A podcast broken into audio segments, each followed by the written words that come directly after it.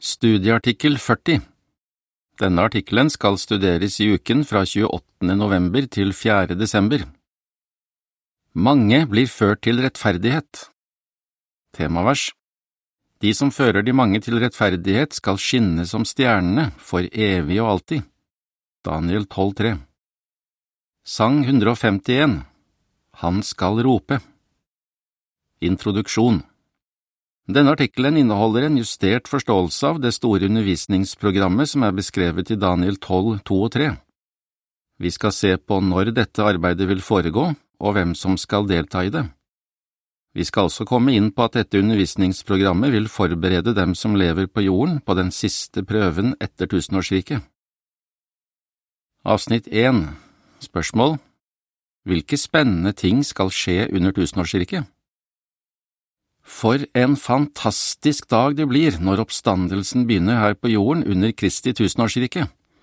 Alle som har mistet noen av sine nærmeste, lengter etter å se dem igjen. Slik føler Jehova det også. Se for deg hvor mye gjensynsglede det blir over hele jorden. I den forrige artikkelen lærte vi at de rettferdige, som har navnet sitt skrevet i Livets bok, vil få en livets oppstandelse. Johannes 5, 29. Kanskje mange av våre kjære vil få livet tilbake kort tid etter Harmageddon.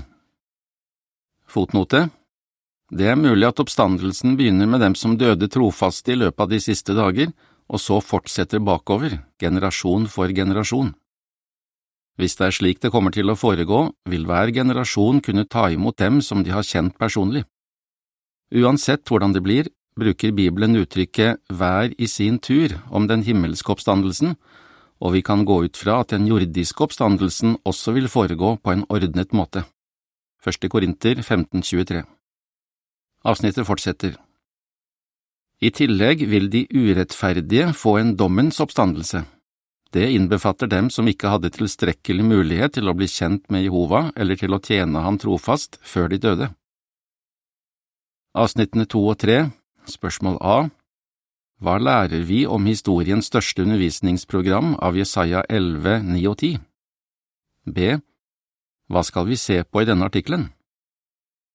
Alle de som får en oppstandelse, vil trenge opplæring, derfor er det behov for det største undervisningsprogrammet i menneskenes historie. I Jesaja 11, 9 og 10 står det, Ingen skal skade eller ødelegge noe på hele mitt hellige fjell for jorden skal være fylt med kunnskapen om Jehova, slik vannet dekker havets bunn. Den dagen skal Isais rot stå som en signalstang for folkene. Til ham skal nasjonene vende seg for å få veiledning, og hans bolig skal bli herlig. De urettferdige som får livet tilbake, må jo lære om Jesus Kristus, Guds rike og gjenløsningen, og også om betydningen av Jehovas navn og hvorfor han er den som har rett til å herske over universet. Dessuten må de rettferdige oppdateres når det gjelder det Jehova gradvis har gjort kjent om sin hensikt med jorden. Noen av disse trofaste døde lenge før Bibelen ble fullført. Både de urettferdige og de rettferdige vil ha mye å lære. I denne artikkelen skal vi få svar på disse spørsmålene. Hvordan skal dette store undervisningsarbeidet bli gjennomført? Hvilken betydning har undervisningen for om man får navnet sitt skrevet permanent i livets bok eller ikke? Svarene på disse spørsmålene angår oss i dag. Som vi skal se, inneholder Daniel åpenbaringen fascinerende profetier som hjelper oss til å forstå hva som skal skje når de døde blir oppreist. Først skal vi ta for oss de spennende begivenhetene som er forutsagt i Daniel 12, 1 og 2. De som sover i jordens støv, skal våkne. Avsnittene fire og fem Spørsmål Hva forteller Daniel 12.1 om endetiden? I Daniel 12.1 leser vi På den tiden skal Mikael stå fram, den store fyrsten som står som forsvarer for ditt folk. Og det skal komme en trengselstid, en slik som det ikke har vært maken til siden det oppsto nasjoner. Men på den tiden skal ditt folk bli reddet, alle som står oppskrevet i boken. Daniels bok forteller i hvilken rekkefølge ting skal skje i endetiden. I Daniel 12,1 får vi for eksempel vite at Mikael, altså Jesus Kristus, står som forsvarer for Guds folk. Den delen av profetien begynte å bli oppfylt i 1914, da Jesus ble utnevnt til konge i Guds himmelske rike. Men det ble også sagt til Daniel at Jesus skulle stå fram i en trengselstid, en slik som det ikke har vært maken til siden det oppsto nasjoner. Denne trengselstiden er den store trengsel som det står om i Matteus 24, 21. Jesus står fram eller går til handling for å forsvare Guds folk på slutten av denne trengselstiden, det vil si i Harmageddon. Åpenbaringsboken omtaler denne gruppen som blir forsvart, som en stor skare som kommer ut av den store trengsel. Åpenbaringen 7, 9 og 14 Avsnitt 6 Spørsmål Hva skjer etter at den store skare har overlevd den store trengsel? Forklar. Daniel 12,2 sier, Og mange av dem som sover i jordens støv skal våkne, noen til evig liv og andre til skam og evig forakt. Hva skjer etter at den store skare har overlevd denne trengselstiden? Profetien sikter ikke til en symbolsk oppstandelse, en åndelig gjenopplivning av Guds tjenere i løpet av de siste dager, slik vi har forstått det tidligere. Fotnote Denne forklaringen er en justering av det som står i boken Gi akt på Daniels profeti, kapittel 17, og i vaktårene for 1. juli 1987, sidene 21 til 25. Avsnittet fortsetter. Den sikter i stedet til at de døde blir oppreist i den nye verden. Hva får oss til å trekke denne konklusjonen? Ordet støvet blir også brukt i Jobb 1716 som en parallell til ordet graven. Det tyder på at Daniel 12,2 dreier seg om den bokstavelige oppstandelsen som skal skje etter de siste dager og etter Harmageddon-krigen. Avsnitt 7, spørsmål A Hva må man gjøre for å bli oppreist til evig liv? B. Hvorfor er dette en bedre oppstandelse? Men hva betyr det som står i Daniel 12,2 om at noen skal bli oppreist til evig liv? De som blir oppreist i løpet av de tusen årene, må lære Jehova og Jesus å kjenne. Ja, de må fortsette å lære dem å kjenne og være lydige mot dem. Hvis de gjør det, vil de til sist få evig liv. De vil få en bedre oppstandelse enn dem som fikk livet tilbake i fortiden. Hebreerne 11.35. Hvorfor? Fordi de var ufullkomne og døde igjen. Avsnitt 8 Spørsmål Hvorfor blir andre oppreist til skam og evig forakt? Det er likevel ikke alle som får en oppstandelse som vil ønske å bli undervist av Jehova. Daniels profeti sier at noen vil bli oppreist til skam og evig forakt. Fordi de har en opprørsk innstilling, blir navnene deres ikke skrevet inn i livets bok, og de får ikke evig liv. Resultatet blir i stedet evig forakt, det vil si tilintetgjørelse. Daniel 12,2 handler altså om hvordan det til slutt går med alle som får en oppstandelse, og det vil være basert på hva de gjør etter at de får livet tilbake. Noen får evig liv, mens andre ikke får det. Fotnote som en kontrast til dette fokuserer ordene rettferdige og urettferdige i apostlenes gjerninger 24.15 og uttrykkene de som har gjort gode ting og de som har gjort onde ting i Johannes 5.29 på hvordan de som får en oppstandelse levde før de døde. Artikkelen fortsetter. De som fører de mange til rettferdighet Avsnittene 9 og 10 Spørsmål hva mer skal skje etter den store trengsel, og hvem skal skinne så klart som den utstrakte himmel? I Daniel 12,3 sies det, De som har innsikt skal skinne så klart som den utstrakte himmel, og de som fører de mange til rettferdighet skal skinne som stjernene for evig og alltid. Hva mer skal skje etter trengselstiden? Både vers 2 og vers 3 i Daniel 12 sikter til noe som skal skje etter den store trengsel. Hvem skal skinne så klart som den utstrakte himmel? Det Jesus sier i Matteus 13,43 hjelper oss til å forstå hvem de er. Der står det, Da skal de rettferdige skinne like klart som solen i sin fars rike. Sammenhengen viser at Jesus snakket om rikets sønner, hans salvede brødre, som skal herske sammen med ham i det himmelske riket. Daniel 12,3 må derfor dreie seg om de salvede og det arbeidet de skal gjøre i løpet av tusenårsriket. Avsnittene 11 og 12 Spørsmål Hva skal de 144 000 gjøre i løpet av de tusen årene? Hvordan skal de salvede føre de mange til rettferdighet? De salvede skal samarbeide tett med Jesus Kristus om å lede det undervisningsarbeidet som kommer til å bli gjennomført her på jorden i løpet av de tusen årene. De 144 000 skal ikke bare herske som konger, men også tjene som prester. I sin rolle som prester skal de hjelpe til med å helbrede nasjonene.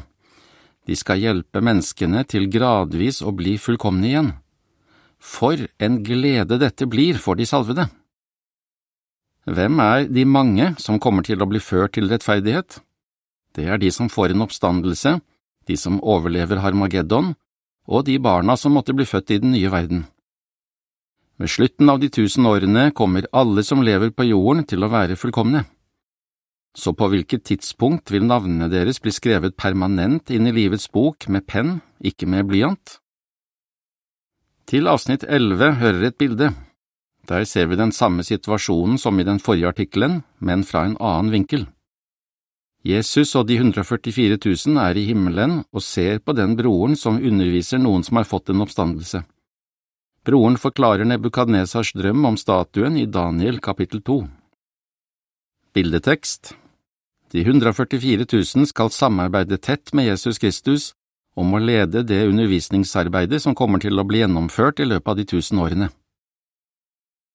Den siste prøven Avsnittene 13 og 14 Spørsmål Hva må alle fullkomne mennesker vise før de kan få evig liv? Vi må huske at fullkommenhet ikke automatisk fører til evig liv. Tenk på Adam og Eva. De var fullkomne, men måtte vise at de var lydige mot Jehova før de kunne få evig liv. Dessverre var de ulydige mot ham. Hva kan sies om dem som lever på jorden ved slutten av de tusen årene? Alle har blitt fullkomne. Vil alle disse fullkomne menneskene fullt ut støtte Jehovas styre for bestandig? Eller vil noen av dem være som Adam og Eva, som ikke var trofaste selv om de var fullkomne? Disse spørsmålene må besvares, men hvordan? Avsnittene 15 og 16, spørsmål A Når vil alle mennesker få muligheten til å vise at de er lojale mot Jehova? B. Hva blir det endelige resultatet av denne prøven? Satan skal være bundet i avgrunnen i de tusen årene. I denne perioden vil han ikke kunne villede noen. Men når de tusen årene er over, skal Satan bli sluppet løs fra sitt fengsel. Da vil han prøve å villede de fullkomne menneskene. Under den prøven vil alle fullkomne mennesker på jorden få muligheten til å vise tydelig hvor de står i det stridsspørsmålet som gjelder Guds navn og rett til å herske. Hva de velger å gjøre da, vil avgjøre om navnene deres blir skrevet permanent inn i livets bok eller ikke. Noen vil være som Adam og Eva og vise at de ikke ønsker å leve under Jehovas styre. Hva kommer til å skje med dem? Åpenbaringen 2015 sier, Alle som ikke var skrevet inn i livets bok, ble kastet i ildsjøen. Ja, disse opprørske menneskene kommer til å bli utslettet for bestandig. Vi vet ikke hvor mange det vil være av dem, men flertallet av dem som lever på jorden da, vil bestå denne siste prøven. Navnene deres vil så bli skrevet permanent inn i livets bok.